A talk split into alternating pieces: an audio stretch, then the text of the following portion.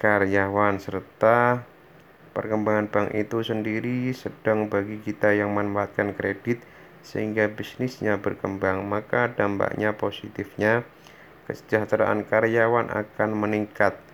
Di sinilah perlunya pihak bank dan pengusaha saling kerjasama, saling memberikan dukungan.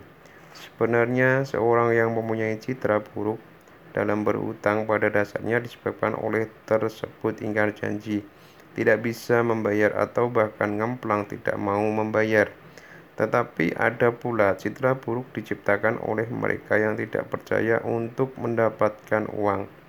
Sehingga sebagai kompensasi kejengkelannya, mereka menyebarkan isu bahwa utang itu buruk. Anggapan seperti itu seharusnya tidak perlu terjadi karena apa yang kita lakukan itu demi kemajuan bisnis kita. Sayangnya, sebagian besar masyarakat percaya tentang hal itu.